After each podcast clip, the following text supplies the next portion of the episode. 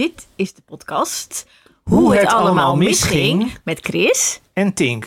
Nou, daar zijn we weer. Al de derde aflevering. Of eigenlijk drie en een half. Hoe denk jij? Uh, Hoe nee, we moeten zijn bij eh, drie met bijlagen. Drie met bijlagen. Ja, we hebben een bijlage, lieve mensen.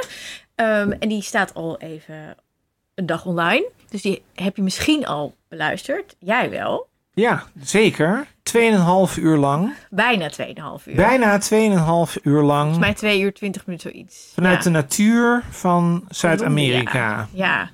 Ehm, ik heb namelijk inmiddels alweer een paar maanden geleden, maar we hebben het even bewaard voor een fijn moment, zo het begin Zoals van het nieuwe jaar. nu van het vandaag. jaar, ja.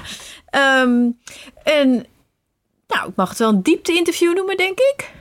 Ja, het is een lang interview met... Tanja Nijmeijer.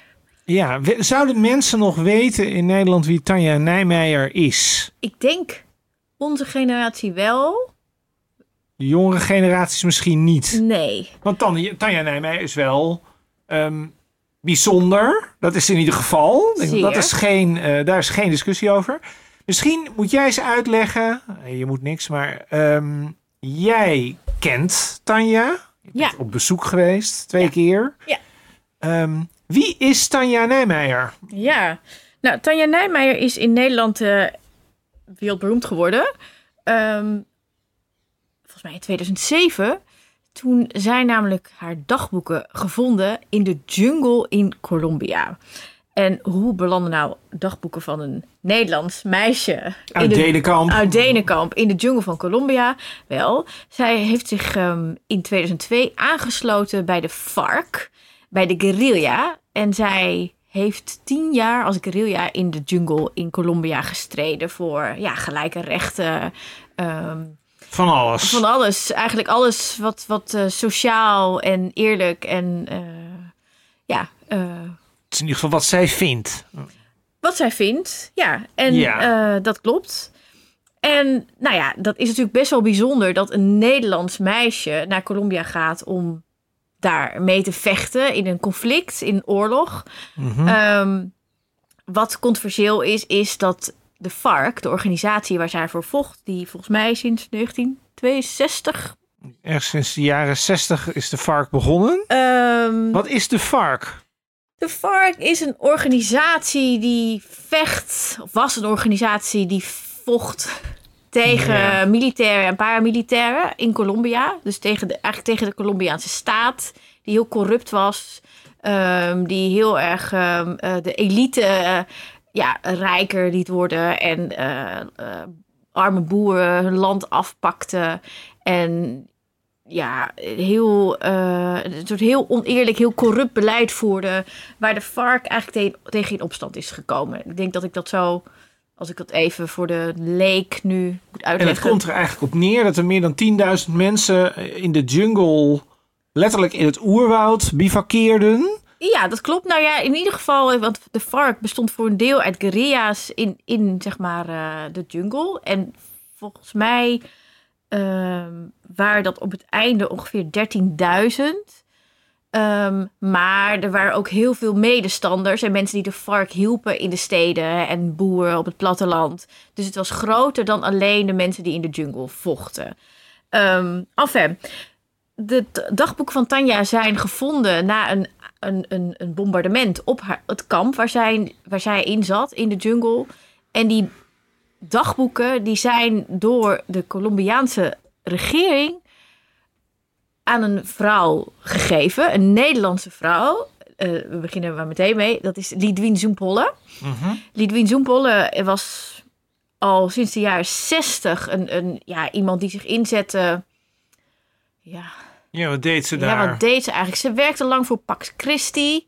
Ehm, Dat is christelijke zending. Ja, ik, ik twijfel aan haar christelijkheid gebaseerd op de Dat hoeveelheid... begrijp ik, want misschien moeten we zeggen dat jij een vriendin van Tanja bent. En ik heb Tanja nooit ontmoet, dus ik sta er wat anders Ja, in. nee, maar ik bedoel meer dat er, dat er een film is gemaakt eh, eh, over Lidwien Zo- Zoempolle. En eh, elke paar alinea's die ze uitspreekt is, bestaat uit godverdommes. Ik weet niet, ik denk dan ja, iemand die heel christelijk is, die die doet is daar dat wat niet. voorzichtiger mee. Ja. Ja, um, enfin, ehm, wat zij uiteindelijk deed was mensen die uit de FARC zijn gegaan en in de gevangenis terechtkwamen, want ze werden gestraft door het Colombiaanse regime. Uh, dat ze zijn waren een soort staatsvijanden. Daar kwam het toch ja, zo werd het gezien. Ja, het is, het, het, het is echt een oorlog. Hè? Dus en, en, en Ja. in die oorlog zijn in eerste instantie de, de, de FARC-leden, maar ook er waren meerdere groeperingen. Dus een andere grote groepering was de ELN, werden gezien als, als terroristische organisaties. Ja. Nu denk ik dat dat daar. Nou, in Colombia wordt daar zeker anders naar gekeken. Eh, want het is niet zo dat er één goede groep en een kwade groep was. Het was gewoon eh kwade tegen elkaar in een oorlog, in een, in een hele nare oorlog. Ehm enfin, Lidwin Zoempolle, die bezocht ex-varkstrijders in de gevangenis en probeerde ze dan te helpen, tussen aanhalingstekens, Wat Om, deed eh, zij voor ze? ja, dat, is- ik, ik begrijp het eerlijk gezegd niet zo goed. Maar zij hielp deze mensen om over te lopen naar. De gewone de ge- burgermaatschappij. Ja, of aan de kant van de, van de regering in ieder geval. En zij probeerde ook deze mensen ehm, te laten vertellen over hoe de vark te werk ging. En, en een soort, soort, soort dossieropbouw over de Ja, vark. zij, eh, er is een documentaire over haar en de ouders van Tanja uitgezonden. En Eh, daaruit, daar vertelt zij steeds allerlei dingen over de vark. En dat Ja, weet zij op basis van dat ze met al die oud-strijders heeft gepraat. Ja, Dat, is Dat zij deed. documentaire Dichter bij Tanja van Leo de Boer. Ehm, Ja. ja, dit is wel een lange introductie. Lange introductie, Lange introductie. Tanja is een, dus een Nederlandse eh, vrouw, een toen vrouw Nederlands meisje. 40 die, inmiddels. ze, is, ze wordt 45 eh, in februari. Ehm, zij is op haar ongeveer haar twintigste naar Colombia gegaan eh, om daar Engelse les te geven op een privéschool. Is in contact geraakt met mensen uit arme wijken en is een soort van rondgeleid door verschillende mensen die haar hebben laten zien hoe groot het onrecht was. Ehm, die haar... Eigenlijk, eigenlijk is zij, zij kwam daar voor de studie. Ja, En zij, ehm, zij leerde de kant van Colombia kennen, die, zo zegt het volgens mij zelf in dat gesprek met jou, eh, die toeristen niet zien. Eh, Want toeristen ja, zien, ja. ik ben nooit in Colombia geweest, maar ik bedoel, er zijn vast allerlei toeristische trekpleisters waar je Ja. langs moet trekken. Nou ja, ze, zijn, ze kwam op plekken waar echt grote armoede was. En waar mensen echt slachtoffer waren van het regime. Ehm, waar bijvoorbeeld ehm eh, s'avonds om negen uur iedereen die niet binnen was van de straat werd geveegd. En ofwel werd opgesloten ofwel werd neergeschoten. Want je mag niet buiten zijn. Maar de Ehm, grote vraag is natuurlijk in dit hele verhaal: hoe kun je nou dat. dat, dat ja, het klinkt, klinkt een beetje flauw om te zeggen, dat zal allemaal wel. Maar er, was allerlei, er waren daar allerlei problemen. Die zag zij. Ja, Maar de gemiddelde student die eh, in het buitenland gaat studeren, dat zijn er misschien niet zoveel in Colombia, maar toch, ehm, die komt niet bij de FARC terecht. nee, dat maakt haar ook heel bijzonder. Dat, dat is zo begonnen. Ik, dat, ja, precies. Kijk, eh, wat ik vertelde, er is dus eh, in 2007 eh, is er Daarvoor een... wisten we niet dat ze bestond, toch? Dat is eigenlijk nee, niemand had eigenlijk van haar gehoord. Had nee. toen was ze er wel, maar ja, toen maar we wisten niet dat we ze bij niet. de vark zat. Precies. Er is dus een, een, ehm, eh, een aanslag geweest, zeg maar, op, op het kamp waar zij zat. Daar zijn ehm, haar dagboeken gevonden. Die dagboeken zijn door de Colombiaanse eh, overheid aan Lidwin Zoempolle gegeven. Ehm Lidwin Zoempolle heeft toen in haar eentje besloten... ik ga een deel hiervan publiceren. En wat heeft zij gedaan? Zij heeft, eh, het waren twee schriften. Ehm, Tanja wist, want ik heb haar dus geïnterviewd. En dat interview kun je terugluisteren. En in dat interview zegt ze dat ze eigenlijk niet weet of Lidwien het origineel heeft gekregen of een kopie. Ehm, in de film die Leo de Boer heeft gemaakt, kun je zien dat Lidwien de schriften in bezit heeft. Ehm Lidwien heeft op eigen houtje eigenlijk besloten om een aantal ja, stukjes uit die dagboeken te selecteren en die te publiceren. Die zijn vertaald naar 15 talen door haarzelf. Dat vertelt ze ook, dat ze daar trots op is, door mij. Nou, dat zou ik 15 ook heel trots op zijn als ik 15 Ehm, talen zou spreken. Maar later Ja. vertalen. Ehm, maar zonder overleg met de familie van Tanja. Ehm, zonder overleg sowieso eigenlijk. Maar ze heeft het gewoon zelf besloten. Omdat zij vond dat dat belangrijk was. Omdat mensen tegengehouden moeten worden om zich ook aan te sluiten. dat is haar grote punt. Zij is tegen de vark en zij vindt dat mensen gewaarschuwd moeten worden Precies, om zich daar precies. niet mee in te laten, zoals Tanja dat wel gedaan heeft. Exact, exact. Dat is eigenlijk de kern. Ja. Ehm, maar wat ik daar ehm, eh, ingewikkeld aan vind. Mhm. Ik ga eventjes. eh, eh, ik heb een, een fragment uit het begin van die film. Mhm. Ik ben nu even aan het kijken waar, het- waar ik dat nou heb. Ehm, dat is dit. Dat ga ik even. Een Nederlands meisje dat zich heeft aangesloten bij de Colombiaanse guerrillabeweging, de FARC. Bij een aanval van het leger heeft ze haar dagboek gevonden. Uit haar dagboek via de Nederlandse mensenrechtenactiviste Lidwien Soempolle komen fragmenten uit die dagboeken in de publiciteit. Seks, vechten, wapens en seks. Tanja wordt wereldnieuws. Dagboek is Tanja In Nijmeijer. haar dagboeken uit Tanja ongezouten kritiek op de FARC. Daardoor is haar leven in gevaar. La joven holandesa que milita en las FARC. Ik word uitgenodigd voor een uitzending van Rondom 10. Rondom 10. Omdat ik een film over terrorisme in Nederland in de jaren 70 heb gemaakt. gijzelaar van zichzelf. Tanja. Daar ontmoet ik Lidwien. Ik vind haar oordeel over Tanja erg Het is hard. een terroristische organisatie die ontvoert. Het is allemaal onzin en flauwekul. Destructie, zaaien ze. Als Tanja als represaille door de FARC gedood zou worden, is dat eigen schuld dikke bult, vindt Lidwien. Daar gaat het eigenlijk over. Die laatste zin. Eh, je hoort de, de, de spreker in dit fragment, dat is Leo de Boer, dat is de documentairemaker die Lidwien is gaan volgen eh, nadat ze de dagboekfragmenten heeft gepubliceerd. En ehm, je hoort Lidwien zeggen, ja, als, als Tanja wordt vermoord door de publicatie van deze dagboeken, dan is het haar eigen schuld. En dan moeten we misschien eens een klein stukje terug. Ehm Ja. Lidwien Zoempolle heeft dus een aantal onderdelen van die dagboeken gepubliceerd. En Er is dat een zijn- boek, eh, er is een, nee, ook een Nederlandstalig boek Er is ook een Nederlands boek, maar nog voor dat boek heeft zij onderdelen uit de dagboeken van Tanja Nijmeijer gepubliceerd. En dat zijn onderdelen waarin Tanja ofwel praat over haar seksleven, ofwel negatief, dan wel met twijfel schrijft over de FARC. Ja, ze zei van, ik wil dat hier eh, allerlei dingen van, dat ze, dat ze naar huis wilde. Ja. eh, Weet ik veel. Het, het ding is dat, ehm, dat, eigenlijk maar een paar fragmenten zijn die zijn gepubliceerd. Het zijn twee volle schriften. Mhm. Ehm, dus de hele context is weg. Ja. Dat, daar kun je al zeg maar morele vraagtekens bij zetten. Mag jij, als jij een dagboek in handen krijgt van iemand die nog leeft, wiens familie, ehm, waar, waar je contact mee kan zoeken, mag jij dan in je Ze eentje deed dat voor een beslissen? hoger doel, hè, deed ze dat. Ja, maar mag jij dat? Ik bedoel, als ik vind dat iemands privé-informatie zomaar gepubliceerd mag worden omdat ik denk dat er een hoger doel voor is, terwijl die persoon leeft, de familie er is, mag ik dat doen? Dat is, dat is de morele eerste vraag, zou ik denken. Mhm. Wil je daar iets op zeggen? Nou, ehm, ehm, kijk, het, volgens mij is het punt dat eigenlijk niet eens bekend was of ze nog leefde.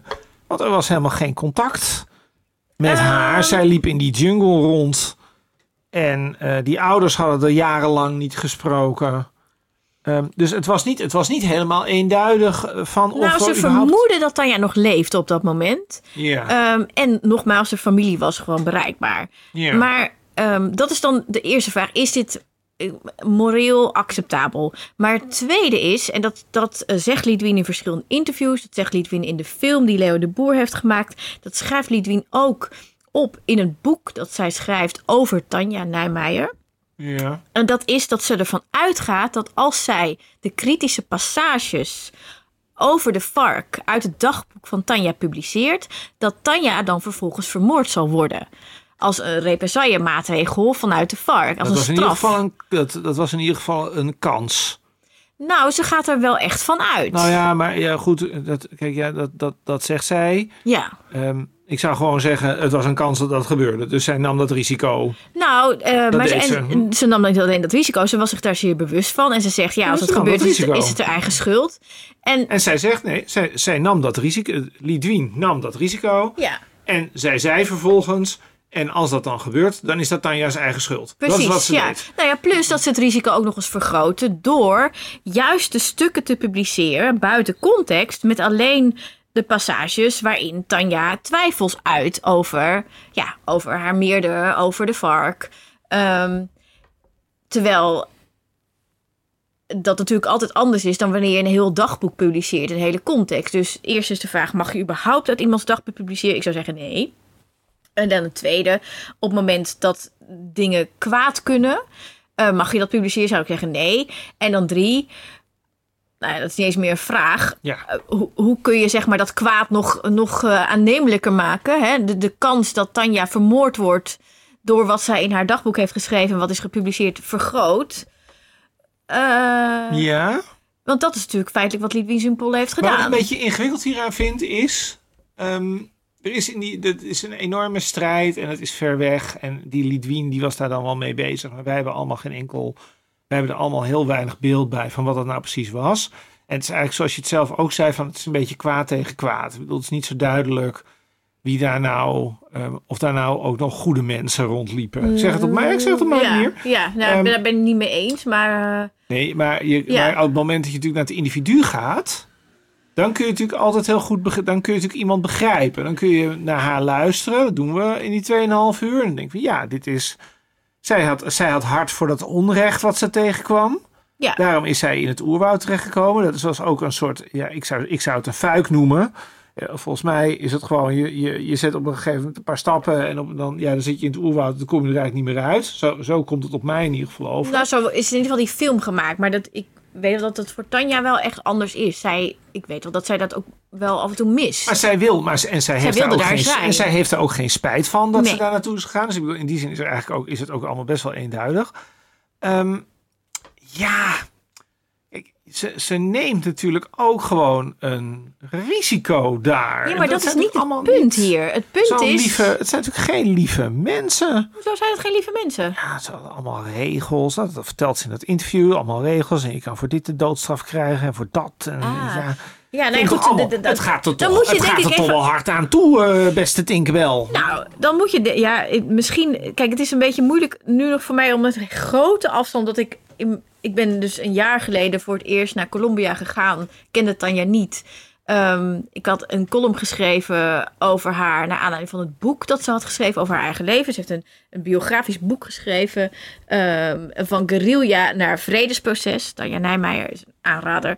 Ehm, en ik heb daar een column over geschreven, naar aanleiding van het boek. Ja. Ik volgde Tanja eigenlijk sinds 2017, sinds haar dagboeken zijn gevonden en daar dus een storm aan publicaties over Ja, kwam. het heeft een enorme, was een enorme hoeveelheid. En voor sommige mensen is dit misschien helemaal nieuw, maar voor mensen Dit- van dit onze was- generatie en ouder. Dit was echt weken, ging het alleen over Tanja. Ja, en als er ook maar een klein iets gebeurde, Als er een scheet gelaten werd, dan was Dan- dit in het nieuws. Precies, voorpagina nieuws. Dus, het- dus Tanja Nijmeijer was ja, een heel groot ding. Ja. Ehm, en ik volgde dat en ik heb Nou, eigenlijk... dat is voor eh, haar en datzelfde, eigenlijk dat hele ding wat gebeurde, wat wij allemaal hier hebben gekregen, dat was voor haar feitelijk heel erg gevaarlijk. Dat was voor haar heel erg gevaarlijk. En zij wist er ook niet van. Want zij zat want in zij de zat jungle. in de jungle, Ja, ja. dus dit is Ja. allemaal gebeurd zonder haar weten. Ja, En, en dit was heel groot ook. zowel voor ons als voor haar. Ja, precies, precies. En nou ja, ik, ik was eh, ja, eh, eigenlijk vanaf het begin af aan eh, wel gefascineerd daardoor. En ik heb ook echt Wat fascineert je hier eigenlijk aan? Nou, ik, ik ehm, eh, herkende eh, iets van mezelf daarin toen al. Eigenlijk, te- terwijl ik nu weet dat het meeste wat toen is gepubliceerd niet waar is. Ehm, herkende ik ehm, eh, het gevoel van de, dat, je, dat je altijd wil opstaan op het moment dat er ergens onrecht is. Ik, ik heb dat ook heel erg. Ik, ik kan niet tegen onrechtvaardigheid. Dus op het moment dat ik dat zie of ervaar, dan ben, ik de, dan ben ik de eerste die opstaat. Ja. En dat is zij ook. En er zijn niet zoveel mensen die dat zo intrinsiek hebben. Mhm. En dus dit is wat ik al voelde van, oh, dit, zij heeft dat wat ik ook heel erg voel. Ja. En ehm, dus ik heb dat gevolgd eigenlijk altijd. En ehm, in eerste instantie werd ze ook wel echt als een soort superheld gepresenteerd. Hè? Dus dat, dat was het allereerste van, wauw, dit is een heel mooi meisje. Het ging heel erg over uiterlijk, heel erg over seks. Ook de, de, de, de dingen die Lidwien over haar vertelde was... Ja, dit is een meisje die eigenlijk haar leven draait om jongens en seks. Dat is alles wat ze wil. En, en ze is eigenlijk door een soort uh, Lidwien maakt een karikatuur van haar. ontzettende karikatuur. Als van een, een dom, naïef meisje. Dat eigenlijk Dat geïnteresseerd is in wapens en in geweld. Dat leuk vindt. En ze vindt alles saai in Nederland. Ze heeft, het gaat eigenlijk niet echt over inhoud of over activisme. Maar het gaat meer over ja, geweld en wapens en seks. Mhm. Wat, nou ja, ik, ik, ik weet nu dat dat ongeveer tegenovergestelde is van wat Tanja is. Maar dat, dat ja, ik heb dat eigenlijk van, ik heb dat nooit echt zo geslikt. Ik geloofde dat niet echt, omdat ik me dat niet echt kon Dat jij voorstellen. dacht, zij is een idealist. Ik zag een idealist in haar. En dat heb ik, nogmaals, dat heb ik ook goed gezien. Maar ik heb dus alles gevolgd. En toen kwam dat boek van haar uit. En toen heb ik een column over geschreven. En ehm, nou ja, dat weten misschien niet alle mensen die luisteren. Maar op het moment dat je een stukje schrijft voor de krant, dan kies je niet zelf de titel of de kop. Oh. Ja, en wat, was de wat is de kop geworden? De kop was Tanja Nijmeijer is een held. En ehm, ja, En toen dacht Tanja Nijmeijer daar in Zuid-Amerika, dat zie ik niet elke dag in de krant staan. Nou, dat sowieso, maar dat is niet wat. De, wat- ik denk niet dat het haar toen he- heeft bereikt vanzelf. Mhm. Maar ik kreeg daar heel veel kritiek op. Er waren heel veel mensen daar heel boos over. Ja. Want eh, Tanja Nijmeijer is een terrorist. Eh, want dat is eigenlijk wat Lidwien Zumpolle van haar heeft gemaakt. Een terrorist met Maar bloed aan de handen. Een terroristische organisatie. Eh, inmiddels niet meer. Nee, Ehm, we eh, zijn niet het is- heden? Nee, dat klopt. Ehm, maar inderdaad, het is, de vark, lievertjes. De FARC is lang gezien als een terroristische organisatie, dat klopt. Ehm af en ik kreeg zoveel eh, mensen die daar eh, tegenin gingen en boos waren. Ik had dit nooit mogen Ja, schrijven. spreken ook nu boos zijn dat er nu een podcast is waar 2,5 Ja, uur zal- lang Tanja oh. Nijmeijer... Ja, Ja, ja. Ehm, dat ik eigen, eigen, eigen woorden ongeknipt. Nee, Ja. ik ben dan ook een beetje recalcitrant. En ik, eh, eigenlijk doordat ik zoveel tegengas kreeg, dacht ik: oké, dan ga ik nu mijn hakken in het zand. En dan ga ik nog een column over haar schrijven. Ik weet niet meer precies wat ik heb geschreven. Volgens mij iets over dat ze een, een kroon en een lintje verdient of zo. Ja. Ehm, maar ik wilde dat wel goed doen. Dus ik heb haar toen een DM gestuurd op Twitter. Van, hey, ik heb een stuk over je geschreven. En ik wil nu dit schrijven. Maar ik wil even factchecken bij je. en- Hoe zit ja. dat? En zo raakten wij aan de praat. Ja, En ehm, ja, en toen, dat vertelde ik haar ook, dat ik het gevoel had dat als ik 20 jaar geleden of 25 jaar geleden naar Colombia was gegaan, had ik me best kunnen voorstellen dat ik me ook had kunnen aansluiten bij een organisatie als de FARC. Het ding is, ik ben nooit naar Colombia gegaan in die tijd, dus ik, dit, dit is niet, heeft niet plaatsgevonden. Maar ik zei ook van het, wat mij zou doen twijfelen, ja. is ik ben echt heel bang voor spinnen. En er zitten spinnen in die jungle. Daar sta jij niet bang voor. En nou ja, toen, dit, dit is, nou ja, ik, ik zei ook van, wat me opvalt in jouw boek, wat best een dik boek is, wordt nergens omschreven dat jij spinnen tegenkomt. Maar ik kan me niet voorstellen, dit is mijn angst, hè, dus ik, Ja. ik ben bang voor spinnen. En ehm, toen ontstond een beetje een grappig gesprek en toen vertelde ze dat ze inderdaad wel eens eh, op wacht heeft gestaan in, de, in die jungle. En dat ze, ehm, ehm, zij en een paar anderen iets zagen hupsen over het pad. Iets heel Ja. groot. Iets zo Iets groot als, een, ja. als een egel, zeg maar. Ja. Dat ze echt dacht, wat is dit nou? En dat dat inderdaad een hele, hele grote een spin hele was. grote spin was, ja. En eh, nou ja, dat er ook een keer eentje in de laarzen heeft gezeten. En dat is dus, dus er waren wel degelijk spinnen. Dus ik dacht, nee, ik was nooit bij de vark gegaan. En dat, daar moet je misschien een beetje om lachen. Maar wat ik eigenlijk wil zeggen is dat, zeg maar, idealistisch gezien zitten we heel erg op een lijn. Dus ik snap heel goed. Je snapt haar idealen. Ik snap haar idealen en ik deel ze ook. Ehm, Maar, maar, En- maar en de, dus- dus- vraag, de, echte, de vervolgvraag, de kritische vervolgvraag is natuurlijk of je ook het middel wat ze heeft gebruikt, nou, of je, dat, of je daar ook affiniteit mee hebt. Het ding het is, dus daar heb ik wel met haar gesprek over gehad. Dus, dus nee, ik, ik, ik eh, ben eh, nooit van de geweldige, gewelddadige aanpak. Ehm, ik geloof daar ook niet in. Maar je moet dat ook zien in die tijd. Hè? Dus, dus internet was er nog amper. We hadden weinig informatie. Zij had ook... Zij wist niet waar ze zich bij aansloot. nou, zij wist wel waar ze zich bij aansloot, maar niet zo goed als dat je dat nu zou weten. En dus het is de, de manier van informatie vergaren en de mogelijkheden waren gewoon anders dan nu. Was een beetje, ik doe nu even Lidwien Soenpolle na, Ze was gewoon een beetje naïef. Nou, ik weet niet Een of... beetje dom. Nee, zeker niet dom. Zeker niet dom. Ehm, naïef. mm, dat, je, je, dat, dat, gewoon, dat je toch heel veel dingen niet kan weten. En ehm, Zij kon niet wat, wat kon zij bijvoorbeeld niet weten? Nou, met weten bedoel ik niet feiten of, dingen die je in de krant kan lezen. Maar met weten bedoel ik meer dat je kan invoelen wat een soort van groter plaatje is. Ehm, ja, dat. Plus, dat, en dat zegt ze ook in het interview, dat zij heel graag iets wilde doen tegen onrecht en tegen ongelijkheid in de wereld in general. En dat ze al verschillende pogingen had gedaan bij meer politieke bewegingen in Nederland, eh, bij activisten en bij de krakersbeweging en weet ik het wat. En dat dat eigenlijk allemaal niks opleverde. Dus ze wilde dat er echt iets zou veranderen. En dit was een mogelijkheid. En het Die zich ook heel nadrukkelijk aandiende. of Precies. of Dus ik, wat ik me kan voorstellen, en, wat we, en, en daar, dat bedoel ik met dit had ik ook kunnen doen, is dat je op zoek bent naar een mogelijkheid, een manier om iets te veranderen in de wereld. En dat die zich dan aandoet en dat je dan zegt, oké, dit, dit omarm ik, dit ga ik doen. Want hier kan ik verschil maken. Dat gevoel, dat snap ik heel goed. En eh, ik geloof ook dat dat integer is. En Dan heb ik het Een niet... integer gevoel. Een, ja, en, een, een, eh, en een integere motivatie. Om Ja, iets ja. goeds te doen voor de wereld. En dan kun je natuurlijk zeker een discussie hebben over... is dit nou de plek, is dit de manier, is de vark en weet ik het wat. Zij heeft zich feitelijk eh, aangesloten bij een partij in een oorlog... die al gaande was, hè, die al jaren gaande was. Ja. Eh, al meer dan 40 jaar op dat moment. Ja, en, maar Ja. met zeg maar alles eromheen, zeg maar, en de context en het gevoel en de tijd, kan ik me dat bij, daar kan ik me Is het niet zeker bij heel, is het voorstellen. niet gewoon heel flauw? Eh, dat, dan denk ik aan anti. Er is zelfs een boek over geschreven over anti-abortusactivisten Ja. die bij die abortusklinieken staan te demonstreren. En dan vragen mensen zich af: waarom staan die mensen daar? Die mensen hadden die mening niet toen ze er voor het eerst stonden.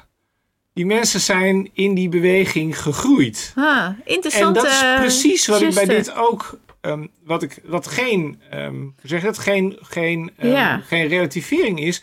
Maar wat wel volgens Ja, mij een beschrijving is van hoe het vaak gaat. Nou, Je hebt- misschien, misschien je heb je gelijk. Want als, als je als anti-abortusactivist gelooft dat dit inderdaad, hè, dat abortus moord is. Nou, of daar gewoon tegen bent. En dan ga je laatst, langzaam denken dat het moord is. Daarna denk je, hoe kan ik die vrouwen overtuigen dat ze dat niet moeten doen? En zo ga je stapje voor stapje. Ja, ja misschien Sta je wel. op een dag bij een met je bord bij de anti-abortuskliniek. Ja. En begrijpt niemand meer wat je vond. Terwijl het initiële standpunt Ja. begrijpt iedereen wel. Als jij zegt ehm, dat Colombia, een, ik zeg het even in mijn woorden, een ellendig land is waar veel eh, sociaal onrecht is en een, en een, en een gewapend conflict, et cetera.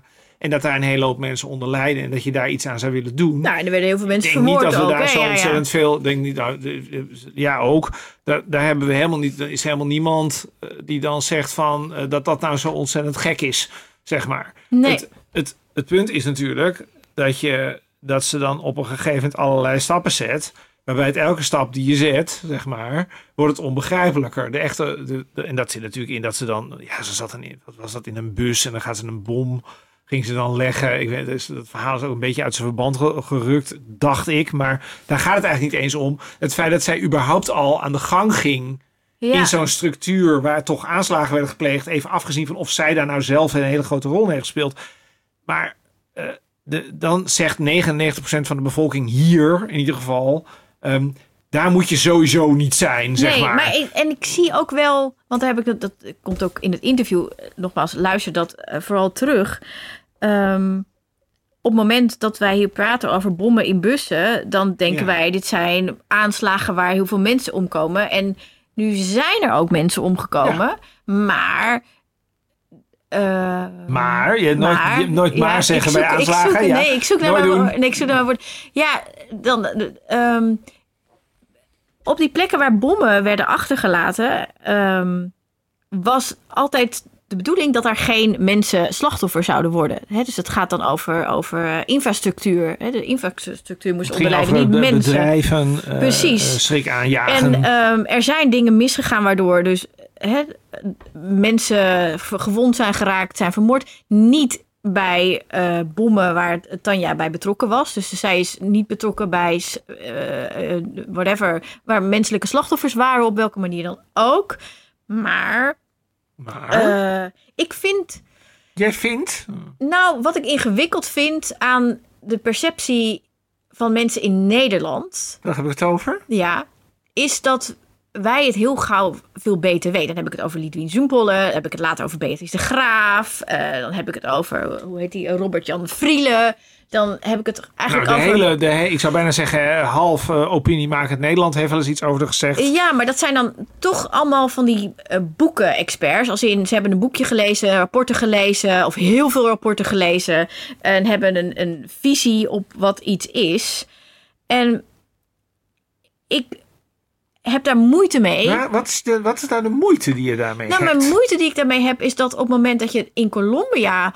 ehm, eh, dat Daar gaat. Ja, precies. En, en, en daar in die context zit, dan wordt daar door verschillende mensen verschillend over gedacht. Om het mee te beginnen. Het is niet zo dat de Colombiaan dit vindt. Mhm. Maar dat het ook een andere. Ja, hoe moet ik dat nou zeggen? Dat de context zo anders is en de waarde die ergens aan wordt eh, toegekend. Ja. Aan een mensenleven. is- nee, niet aan een mensenleven. Of misschien wel ook aan een Nou ja, mensenleven. maar dat is wel, want ik bedoel, we Ja. hebben het over het risico wat zij heeft Ja. gelopen Ja. doordat dat dagboek voor een deel is Nou gepubliceerd. ja, hier op maar zij nam ook natuurlijk, ik bedoel, je, zij, zij kan wel zeggen, eh, bij mijn bommen kwam niemand om, maar Ja. zij nam natuurlijk wel degelijk een risico. Ja, maar dat is dan hoe we er hier naar kijken van, oh, en dat het eigenlijk gelijk staat aan moord. De, je hebt een dat zeg ik heel duidelijk Nee, maar dit is wel de perceptie van veel mensen. Dus je hebt een, een, eh, bommen achtergelaten in bussen, die zijn ontploft. Er zijn weliswaar geen slachtoffers, maar dat had gekund. Dus je bent eigenlijk net zo erg als een moordenaar. En Nou, het is in ieder geval wel iets, het is in ieder geval wel een risico ja, wat ze ehm, willens en wetens neemt. Ja, en wat je, maar wat je daartegen in zou kunnen brengen. Ik, ik bedoel heel erg mijn best om niet geweld goed te praten. Ik vind dat ook Ik denk, ook ingewikkeld. niet dat je dat, ik denk ook niet dat je dat doet. Nee, dat- Maar wat ik, wat ik lastig vind, is ehm, dat het uiteindelijk... Kijk, nee, want ik, ik ja, wil even dit afmaken. Ja? Want Maak maar af. ik, ik, eh, ik vind het ook eh, ingewikkeld om voor haar te praten. Maar eh, dus dit is mijn vertaling van wat ik begrijp. Ehm, op het moment dat jij het gevoel hebt en gelooft dat als je geen actie onderneemt. En dan de actie zijn dan bijvoorbeeld die bommen. Dat er iets veel ergers gebeurt, namelijk nog veel meer menselijke slachtoffers. Dan is het een prijs die je betaalt om iets beter te maken. Maar zeg je dan niet gewoon dat het sectarisch is waar ze zat? Is dat niet wat je zegt? Nee, dat is Zeg niet wat ik niet? zeg. Nee, dat is niet wat ik zeg. nee, maar ik geef ook, maar ik geef ook mijn eigen interpretatie daarvan. Ja, Ehm, volgens mij zeg je, zij denkt, ik kan nu een actie ondernemen. Dat heeft wel een bepaald risico, maar het risico is calculeerbaar, is klein, et cetera. Hebben we allemaal dingen over zeggen. En, ehm, en, als En de winst die te behalen ja, dan is- is de winst dat- andere ellende niet gebeurt. precies. Die anders wel gebeurd zou zijn. Exact. maar dat is natuurlijk, dat is, dat, dat zit wel in de hoek van geloof. Nou, dat is strategie. En, en dan, Nee, dan dat kunnen Dat is een- eh, dat is een geloof of of, of, of Dat is een beredeneerde voorspelling van hoe het zal gaan in Colombia. Dat is wat het is. Even afgezien van wat de kwaliteit van die voorspelling is, maar dat is wat het is. ja, Het is een verwachting van hoe het zal gaan als je A doet of als je B doet. nou, nou ja, Want het is een voorspelling over ik doe niks en ik doe wel wat. eh, kun je natuurlijk ook zeggen, want er is uiteindelijk is er een vredesakkoord gesloten met daarin ehm, eh, een aantal afspraken, waardoor het ook echt beter zou moeten worden voor heel veel mensen. Dus de, daar waar dus 60 jaar voor gevochten is, bijna. ehm, maar dan, dan loop ik eigenlijk, eigenlijk te, te- te ver vooruit op, op de Dan zaken. loop je eigenlijk al vooruit. Ja, Ja, dus dit even, dit parkeren we even. We gaan even terug, want het, het, het is een ingewikkelde kwestie. ehm, volgens mij valt het wel mee. Volgens mij hebben we dat juist. ja, wat mij betreft is het semantisch, omdat ik denk op het moment dat jij eh, ergens iets laat ontploffen Ja. met als doel dat een bus kapot gaat en, niet, en met zeker de bedoeling dat er geen slachtoffers zijn, noem je dat dan terrorisme of noem je dat dan vandalisme. En ik denk dat dat dan het- onder het laatste valt. Maar er wordt een maar vandalisme. Ze maakt zelf een. een Ze maakt een bus kapot. Graffiti. Zij, het- een, bij graffiti is er toch geen sprake van dat mensen een reëel risico lopen om eh, de, Nee. het hoekje op te gaan. Nee, dus ik En zou, het ook, ik een- zou het ook niet met graffiti Nee, vergelijken. dat zou ik niet doen. Maar bijvoorbeeld wel eh, met, eh, weet ik veel, eh, ehm, Weet je, weet Ja. je wat volgens mij zo interessant hierin is? Jij bent heel erg in haar intenties gaan geloven. ik geloof absoluut in En haar ik, ben, intenties. ik, ik ja. twijfel niet aan haar goede bedoelingen. Maar ik denk, eh, en ik vind trouwens het woord sectarisch vind ik trouwens eigenlijk best wel goed gekozen. ja, maar ik, dat, ik denk dat, dat sectarisch, nee, wat, Misschien, wat sectarisch mis- doet, en wat sectarisch, Ja. wat namelijk doen, is, is dat ze denkmogelijkheden uitzetten. Dus, ze, dus dan denk je, zo zit de wereld in elkaar. Je zit in een netwerk en al die mensen zien dat ook zo. Mhm. En dan ga je dat zo, dan ga je dat zo ervaren. Ja. Maar dat wil niet zeggen, en dat is natuurlijk waar we het eigenlijk de hele tijd over hebben. maar dat is per de- definitie natuurlijk in een oorlog. Ja, maar, dat, maar ik zeg ook niet. ik- Dat is, dat is feitelijk ook, denk ik, vergelijkbaar met hoe wij ehm, aan de kant van Oekraïne staan en dan naar Rusland kijken. Als je- Als, als je hè, als de buiten- grote vijand. En hoe ook misschien wel eh, door propaganda in Rusland veel Russen naar Europa kijken. Ja, het is een heel, maar volgens mij is het helemaal geen eh, uniek verschijnsel. Nee, dat, dat is wat ik wil zeggen. Ja, precies. zo- en het is natuurlijk ook vanuit de militairen en paramilitairen tegen de FARC en tegen ELN, et cetera. Dus het, dat is, denk ik, inherent aan een conflict. Ja, dat ben ik wel met je eens. Maar ik ben dan nog steeds, maar dan blijf ik nog steeds vinden dat het ook. Dat, kijk, wat ik, wat ik een beetje wat ik ingewikkeld vind, is dat zij zegt: Ik heb er geen spijt van. Dat vind ik ingewikkeld. Waar had zij spijt van moeten hebben? Nou, ze zou kunnen zeggen: eh, Ik ben daar met. eh, Mag ze heel veel mitsen en maren, mag ze dan, wat mij betreft, gebruiken. Maar dan kan ze zeggen: van nou. Ik, vind, eh, ik vond dat en dat. Ik vond, dat, ik vond het sociale onrecht heel belangrijk. Toen ben ik daarin gegaan. En dat vind ik achteraf. Was dat niet de manier waarop dat gedaan had moeten worden? Ja. Dat had ze. Dat Maar zou dat ik helemaal niet- niet zo'n radicale. Dat vind ik helemaal geen. Dat, ik bedoel, ze hoeft van mij niet. Dat is namelijk waar het volgens mij ook over gaat. Kijk, in mijn optiek zat ze gewoon fout. Ik denk dat jij het anders ziet, maar in mijn optiek zat ze gewoon fout. Maar ik vind wel dat ze recht heeft op een tweede kans. Dat is iets anders. Dus ze hoeft van mij niet een hele leven lang Maar wat te is dan... kruipen en te buigen voor iedereen die zegt: Oh, je hebt het verkeerd gedaan. Op, ik bedoel, ze heeft ook geprobeerd. Ze is volgens mij uiteindelijk ook van mening veranderd. Het is ze wel. Waarover? Over dat Nou, ze is in ieder geval van mening veranderd over wat een, wat een goede manier is om het conflict uiteindelijk tot een einde te brengen. Want ze is bij die vredesonderhandelingen gaan zitten. Ja, maar zo is het niet helemaal gegaan. Ja, maar het is, ze heeft het wel gedaan. Kijk, het doel was om uiteindelijk zeg maar de Colombiaanse regering over te nemen. En dat er een linkse regering zou komen met gelijkwaardigheid, gelijke rechten, et cetera. Hè, een- een sociaal, ehm, equal. Linkse ehm, revolutie wilde nou, ze. het gaat vooral over gel- gelijke rechten, mogelijkheden, Ja, et cetera. Hè? Dus daar, daar gaat het over. revolutie wilde ze. Ja, eh, dat is niet gelukt. Nee, dat Ehm, lukte niet. Nee, eh, alhoewel er nu natuurlijk wel voor het eerst een linkse Maar regering wel zit. democratisch gekozen. Dat is niet hetzelfde als een revolutie. Dat is waar, maar die zitten wel. En de, de, de nieuwe president is eh, een oud guerrilla ook van de ELN. Ja. Ja, maar goed, even. eh, Ik, ik dwaal. Je dwaalt af. Ik Ga dwaal verder. af. Ik dwaal af. Ja, precies. Ehm, zij is inderdaad uiteindelijk in Cuba eh, gekomen. Niet omdat ze dat heeft gekozen. Zij is daarvoor uitgekozen. Hè, dus er, zijn, eh, er waren op dat moment ongeveer 13.000 varkstrijders in de, in de jungle. En zij zat er al tien jaar. En zij is ehm, als een van de dertig uitgekozen om die vredesonderhandelingen te gaan voeren in Cuba. Hè, dus de onderhandelingen tussen de FARC en de, eh, de Colombiaanse overheid. Ehm, maar waar ik eerst eigenlijk naar terug wil, is toch de, de impact van de publicatie van fragmenten uit haar dagboek. Fragmenten ehm, waarin zij eh, eh, twijfels uit of kritiek uit. En die zijn volgens mij gepubliceerd door Lidwin Zoembolle. met als doel. Nou ja, zij zegt dat het doel is, zeg maar, om mensen te waarschuwen om niet bij de vark te gaan. Ja, Eh, alsof er zoveel Nederlandse meisjes bij de vark gingen. Maar goed, even los nou daarvan. ja, 15 talen, dus het, het moest uitwaaieren, zeg maar. Zo. Eh, maar zij zegt ook: als ik dit doe, dan is de kans heel groot dat zij wordt vermoord. En dat betekent dus dat. dat en dat vind ik veel, veel erger dan. Eh, want dat is ook een risico. Hè? Ze hebben over Ja. een risico. Op het moment dat je een bom achterlaat, je wil geen slachtoffers maken. ja. Het een risico, risico. Dit was ook een risico. Ehm, En, en- hoger gecalculeerd. een hoger gecalculeerd, namelijk de waarschijnlijkheid dat Tanja vermoord wordt, is heel groot, zegt Lidwien Zoenpolle. En als het gebeurt, is het Tanja's eigen schuld. Dat vind ik nogal wat anders. Ik vind dat erg neigen naar een poging tot moord. Nee. Ik vind dat wel. Als jij, zij- als jij denkt, zij- als ik dit doe, als ik zeg maar de woorden van iemand buiten context ga publiceren.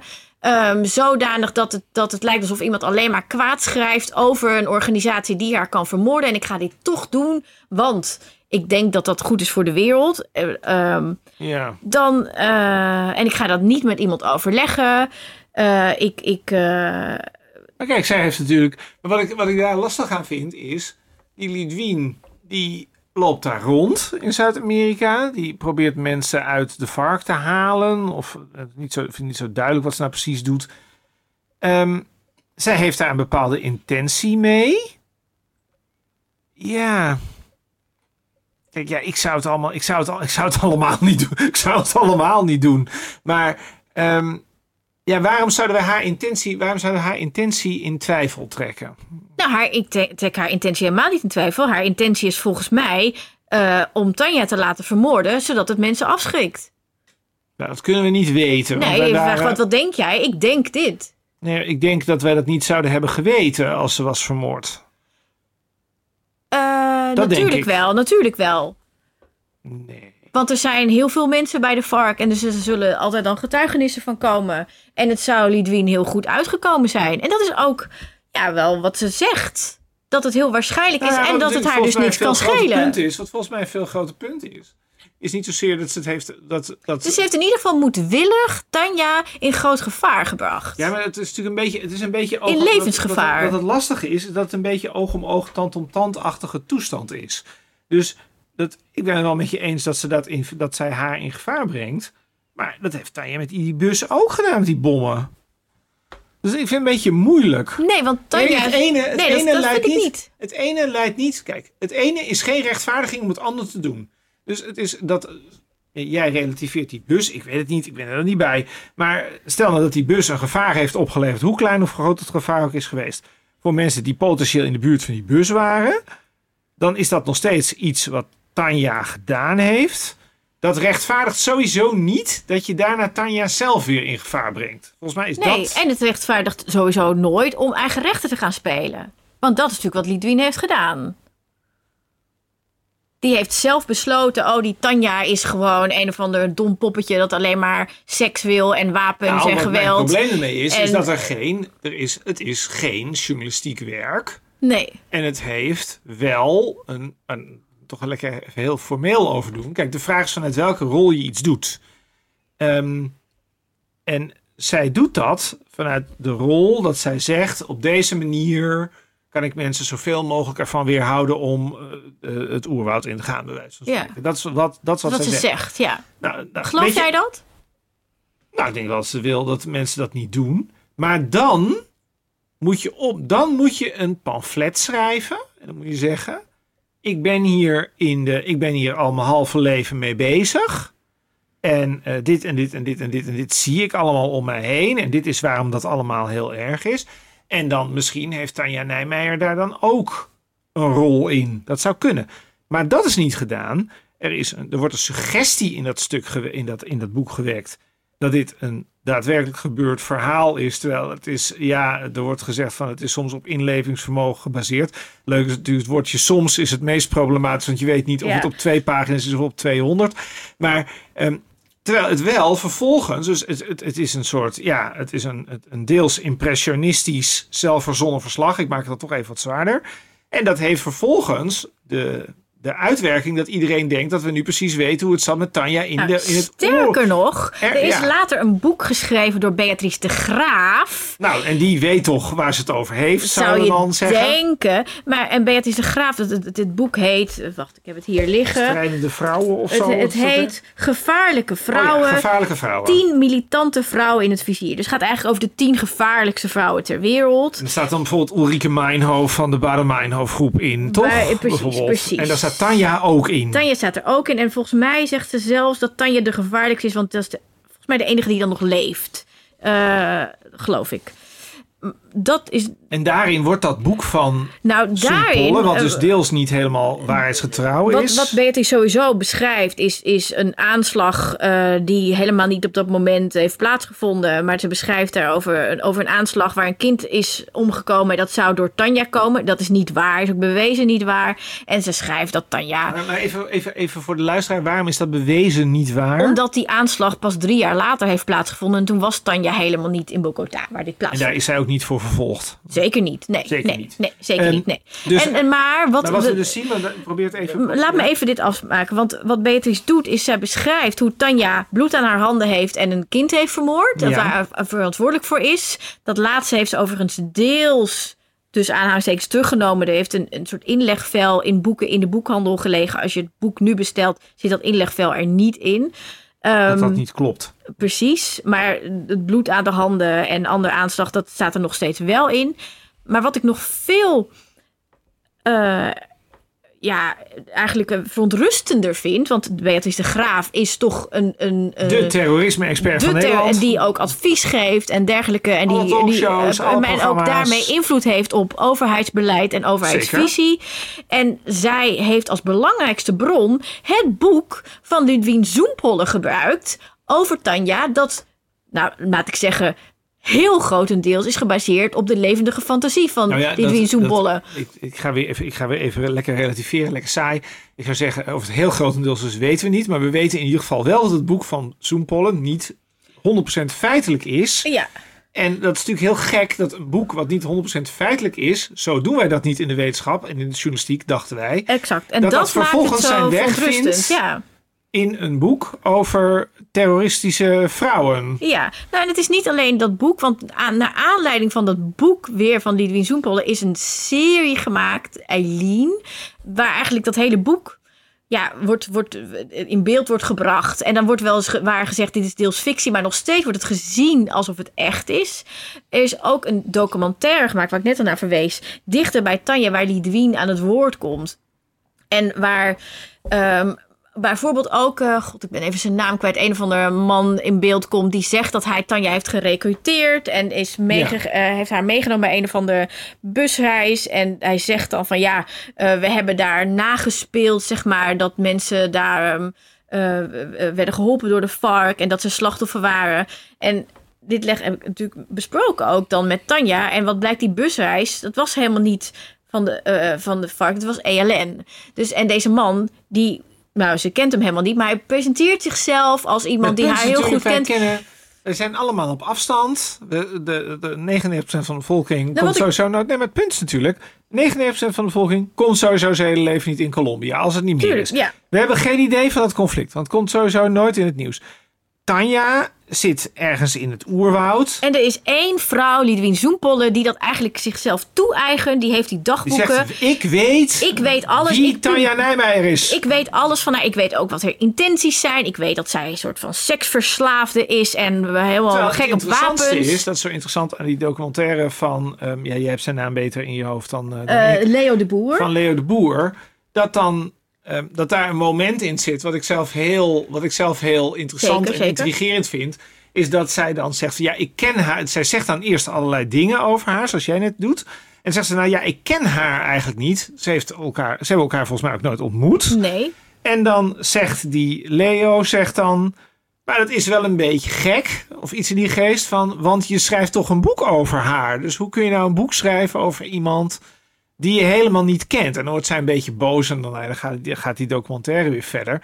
Maar het, het, het laat natuurlijk wel zien van... Ja, een hele hoop mensen eh, eh, maken er ook een soort verhaal van. Nou ja, Dat wat, is wat, dat dus... natuurlijk ook van Wat- nature doen. Wat volgens mij is gebeurd is dat Lidwien heeft zeg maar haar eigen visie op de zaken.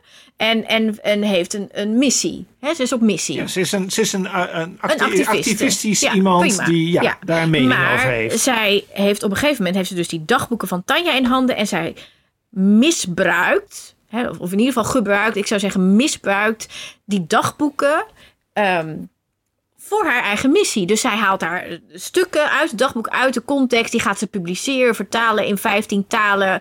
Ehm, zij gaat daar mensen bij halen die gefilmd worden. Hè? Dus die documentaire maken is ook door haar zelf naar Colombia gehaald. Hè? Dus, dus, dus, dus die Dwiens initiatief. En er komen dan mensen aan het woord die claimen Tanja goed te kennen. Nou, ik heb het aan Tanja gevraagd. Tanja weet van niks. Ehm, dus, er worden, dus, dus er komen mensen aan het woord die Tanja misschien ooit een Tanja keer hebben gewoon- gezien. Maar wat ik zo grappig vind, dat is natuurlijk ook een beetje, dat zegt ook wel iets over ons misschien. Ehm, het is ook natuurlijk gewoon, Tanja is natuurlijk ook gewoon een product. Dat, ik bedoel, een beetje gek als een persoon een product is. En dat heeft ze Ah ja, maar je niet... vroeg ook net, hoe kom je eigenlijk bij Tanja? En ik vertelde, we hebben een gesprek product. over de spinnen. En dat was heel leuk. En op een gegeven moment appt ze me van... Goh, als je een keer in de buurt bent, dan moet je maar laten weten. Als je nou een keer in de buurt Ja, bent van en eh, ik Colombia. dacht, ja, ik koop tickets. Dus ik heb toen tickets gekocht. En ik zat een paar weken later in het vliegtuig. Dus dat is... Maar je bent de enige, maar dat is zo interessant. Zij is een product, maar ze is een product bij de gratie van het feit dat ze in Zuid-Amerika zit. Dat mensen niet kunnen checken wat al die verhalen over haar zijn. Nou, dat is dus en niet waar. nee, wacht even. En die verhalen, die passen heel mooi bij allerlei, allerlei stereotypen die wij ook hebben. Dat ze heel, heel, heel dom en naïef en zo. En dat het eigenlijk over seks gaat. En dat ze eigenlijk, dat zal wapens wel heel mooi vinden en zo. Of dat soort dingen. Terwijl niemand, want dat is namelijk zo bijzonder aan het interview wat je met haar gedaan hebt. ehm, dat niemand is dacht, ik doe eens een ticket naar Colombia nu. En laat, laat haar nou eens dat verhaal vertellen.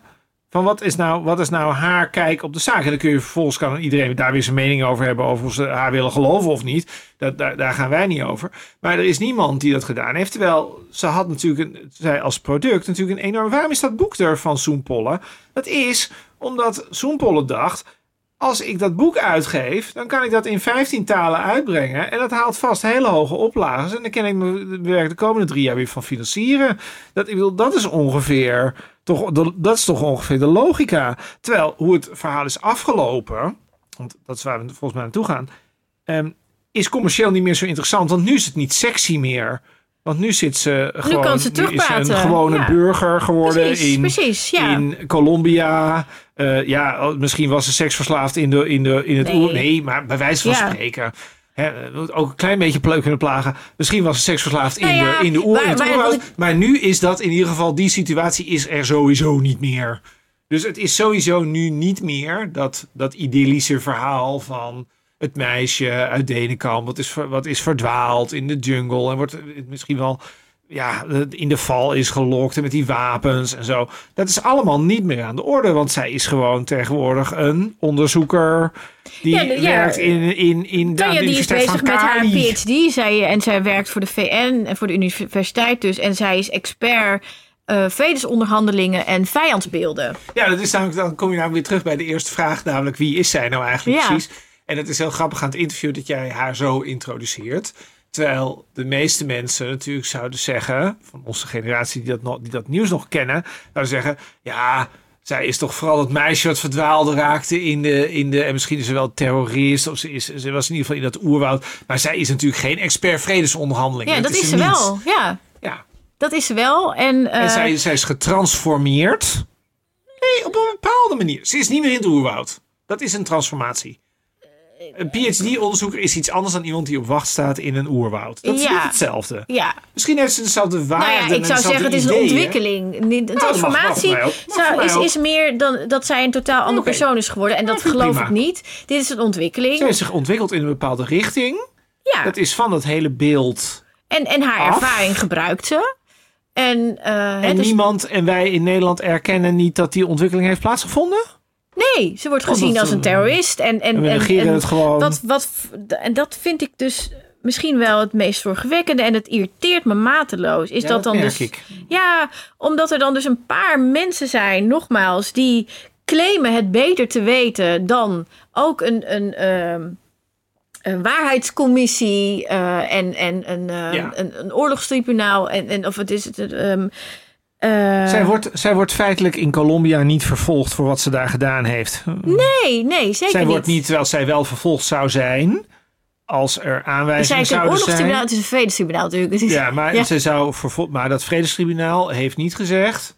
ehm, eh, alle mensen die eh, een kind hebben opgeblazen, die geven, kreeg, krijgt gratie. Dat is, niet, dat is niet wat daar gebeurde. Nee, nee, nee. Kijk, je hebt zeg maar, je hebt, je hebt de waarheidscommissie en het vredestribunaal. En, de, en het, ehm, want er zijn natuurlijk meerdere partijen in een oorlog. Hè? En ehm, wat we gewoon weten, ook uit de geschiedenis, is dat het voor slachtoffers, want er zijn natuurlijk aan alle kanten heel veel slachtoffers. Zeker. Dat dan moet je gaan kijken, wat wil de slachtoffers? Wat, wat willen zij? Waar zijn zij bij gebaat? Waar, waar, hoe kunnen we De slachtoffers verder? willen allemaal verder. I- Iedereen wil verder. Hè? Dus, dus, dus je hebt, er is een, een vredesakkoord.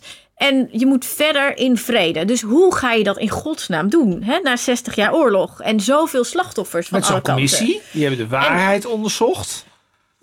Eh, Precies, er zijn duizenden mensen gehoord. eh, van alle partijen. Waaronder Tanja zelf. Waaronder Tanja zelf ook. ehm, eh, om te zoeken naar waarheidsvinding.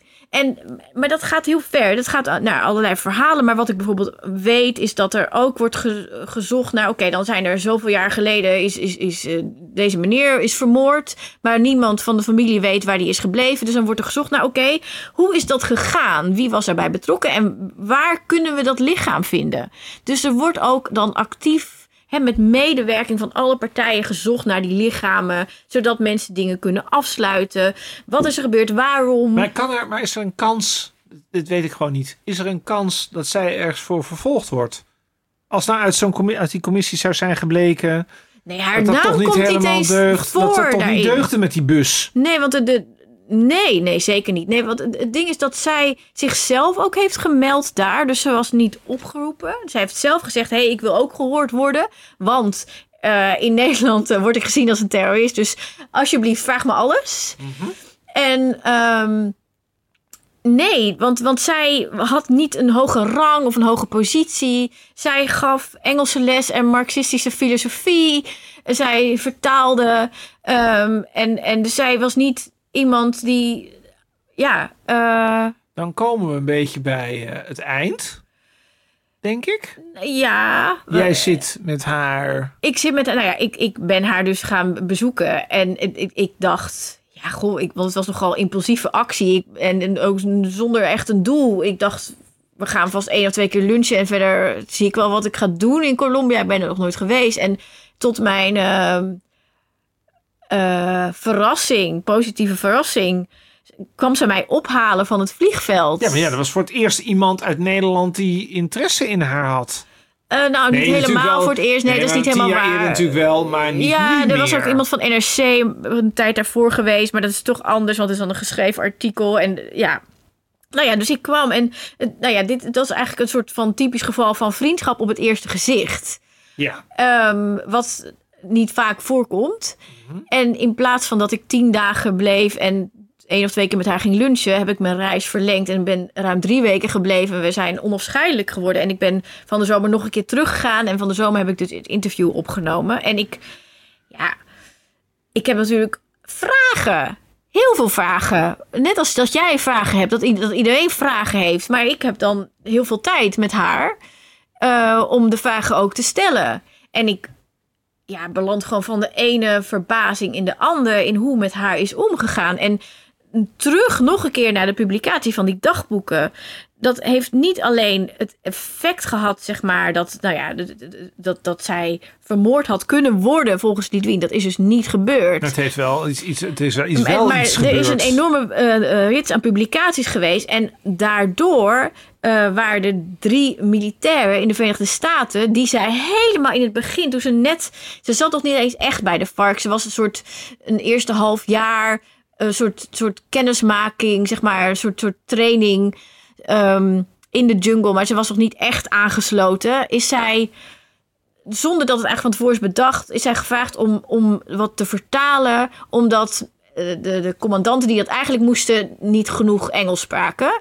En zij heeft toen een paar uur wat vertaald voor ehm, drie uh, uh, militairen uit de Verenigde Staten die gegijzeld waren door Ja. de FARC. Ja. Zij wist eigenlijk niks over details van die gijzeling, maar zij was daar gewoon en heeft die vertaling gedaan. Nou, door de publicatie van Lidwien Zumpolle hebben die militairen met terugwerkende kracht gezegd van... hé, hey, we kennen haar. Want dit meisje, zij Ja. heeft een paar uur vertaald. En, daardoor is zij eh, door eh, de Verenigde Staten gezien als een, een, een, ja, een, noem je dat, een terrorist. En zij is op de Interpol-lijst gekomen. En Daar staat ze nog zij steeds staat op. op, Interpol. En, ze, ehm, en als, als medeplichtig aan die gijzeling, aan gewapende, weet ik het wat. Ehm, wat ze niet heeft gedaan. Ehm, en dat Wat is de betekent, de consequentie? is als zij Colombia verlaat, dan wordt ze uitgeleverd aan de Verenigde Staten. Ehm, dan komt ze daar voor een rechter. En dan zal een rechter gaan kijken van nou, waar word je van beschuldigd op die Interpol-lijst. En dan blijkt dat eigenlijk wat er op Interpol over haar staat allemaal niet waar is. Eh, maar dit is ook gebeurd met een ander ex-strijder van de guerrilla... die ook op Interpol stond met allemaal zaken die niet waar waren. Maar dan gaat een rechter vervolgens zeggen... dat is dus in het verleden ook bij anderen gebeurd... van nou ja, dit is inderdaad allemaal niet waar. Maar jij was lid van de FARC. Dat wordt door ons gezien als een terroristische organisatie. Dus je moet 60 jaar de bak in. Dus eigenlijk plat gezegd, in Colombia is er geen probleem. Want in. Colombia is het vredesproces geweest, is er een waarheidscommissie geweest. En is ze eigenlijk vrij? Is ze vrij? Is ja. ze vrij? Ze werkt voor de VN, voor de universiteit, als is lezingen, et cetera. Ja. ook, en dat verbaasde mij heel erg, als zij naar Nederland gaat, dan wordt ze ook uitgeleverd. En dan zit zij dus 60 jaar in de bak in de VS. Dat klopt. Met andere woorden, zij blijft haar hele leven lang in Colombia achter. Zij moet wel, ja. Ze zal wel Ja. moeten. Ja, en dan kun je daar veel dingen van zeggen. Maar wat ik daarover wil zeggen is dat er dus aan het einde van dit conflict 13.000 guerrilla-strijders waren. Van die 13.000 staan er 13 op Interpol. Dat zijn allemaal, zeg maar, hooggeplaatste commandanten. Zij is de enige die dat niet is. En het, op het moment dat zij dus dan wordt vervolgd hè, in de Verenigde Staten, dan wordt het willekeur. Want zij heeft niet iets anders of meer gedaan of gewelddadigers of whatever dan Ja. die 13.000 andere strijders die er zaten. Dan wordt het willekeur. Dus dan wordt het 60 jaar celstraf op basis van Lidwien Zoempholle. Die pech had, want Tanja is niet vermoord. Dus dan maar op de Interpollijst. En zo ging het dus mis. En zo ging het dus mis. Iets anders. Ja, wij eh, eindigen deze, ehm, nou ja, deze verhalen over, die misgaan, over dingen die misgingen Met iets aardigs. met iets aardigs. Waar Ja. ga je iets aardigs over zeggen? Over wie ga je iets aardigs zeggen, Tinkerbell? Ik moet even omkeren. Want moet ik helemaal- helemaal helemaal nu, Ik ga even in de eh, zen. In de zen. In de zen. Anders Ik- begin ik, ja. maar... eh, Nee, ik, ik, kan, het, ik kan dit aan. Ik kan, kan het- dit, ik kan iets aardigs zeggen. Ik, ehm, het, het is een beetje in de lijn. Ik was terug uit Colombia. En toen ontmoette ik bij een gezamenlijke vriendin van deze persoon...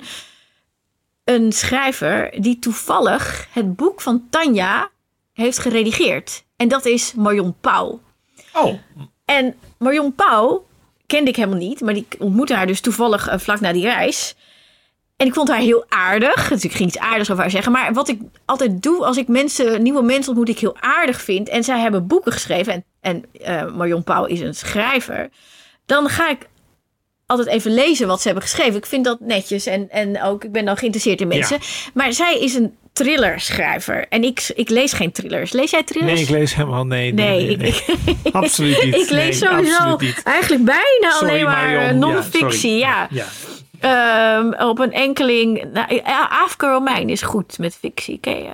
Ja, die maar ik, daar gaan we nu niet. Nee, ik- nee, nee, nee, totdat niet ik niet ver- laten verleiden om iets aardigs over Afke Romein te zeggen. Ehm, Mag later. Later, ja. We parkeren Afke. Ehm, ik heb dus een boek van haar gelezen en dat heet Vogeleiland. En volgens mij is het een bestseller, geloof ik. Maar het is tering goed. Oké, Het is echt heel goed. nou. En dus ik, dat wil ik over Marion Pauw zeggen. Dat, dat ze niet alleen aardig is, maar ze heeft echt een heel, heel erg goed boek geschreven. Een thriller, wat ik normaal nooit zou lezen.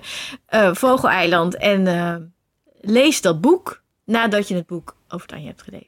Nou, en het, het leuke is dat we dus helemaal eh, in de boekensfeer zijn. Want ik heb ook een schrijver. Wie heb je? Ja, ik doe Dirk Verhofstadt. Ik weet eigenlijk, wist eigenlijk helemaal niet wie Dirk Verhofstadt niet.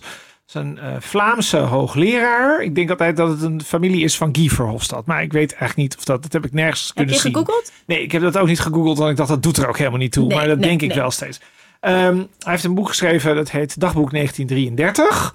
En dat gaat over het jaar dat Hitler de macht overnam in Duitsland. En daarin beschrijft hij van dag tot dag wat er daar allemaal gebeurde. En ehm, dat is om twee redenen heel interessant. Namelijk ehm, dat, het, dat het laat zien hoe ontzettend snel ehm, de vrijheid daar weg was. Ehm, dat is één. En het tweede is, en dat is natuurlijk controversiëler, is dat hij, dat hij in de inleiding schrijft. Nou ja, we praten heel vaak over het gevaar van extreem rechts in het Westen nu. En dan wordt er gezegd van ja, maar je mag dat eigenlijk niet vergelijken met Hitler, met het Derde Rijk, want dat is altijd erger. Maar er zijn eigenlijk heel veel overeenkomsten tussen wat extreem rechts tegenwoordig zegt en wat Hitler destijds deed. En in dat boek maakt hij die vergelijkingen vrij expliciet. Dus eh extreem rechts heeft het nu over omvolking. Nou, daar ging het, in, daar ging het daar ook over. Eh extreem rechts van de homohaat. Nou, dat was, eh, dat was Hitler natuurlijk ook. En zo komen er talloze, wil niet zeggen talloze, maar wel heel veel overeenkomsten tussen toen en nu. En ik had het eigenlijk zo nooit gelezen. Ehm, en ik vond het zeer overtuigend. Ehm, Het klinkt eh, bijna ook als een thriller. ja, eigenlijk wel. Want eerlijk gezegd, als je. ehm, ik, kijk, deze man is hoogleraar, dus hij zal het goed hebben opgeschreven. Dat neem ik meteen aan.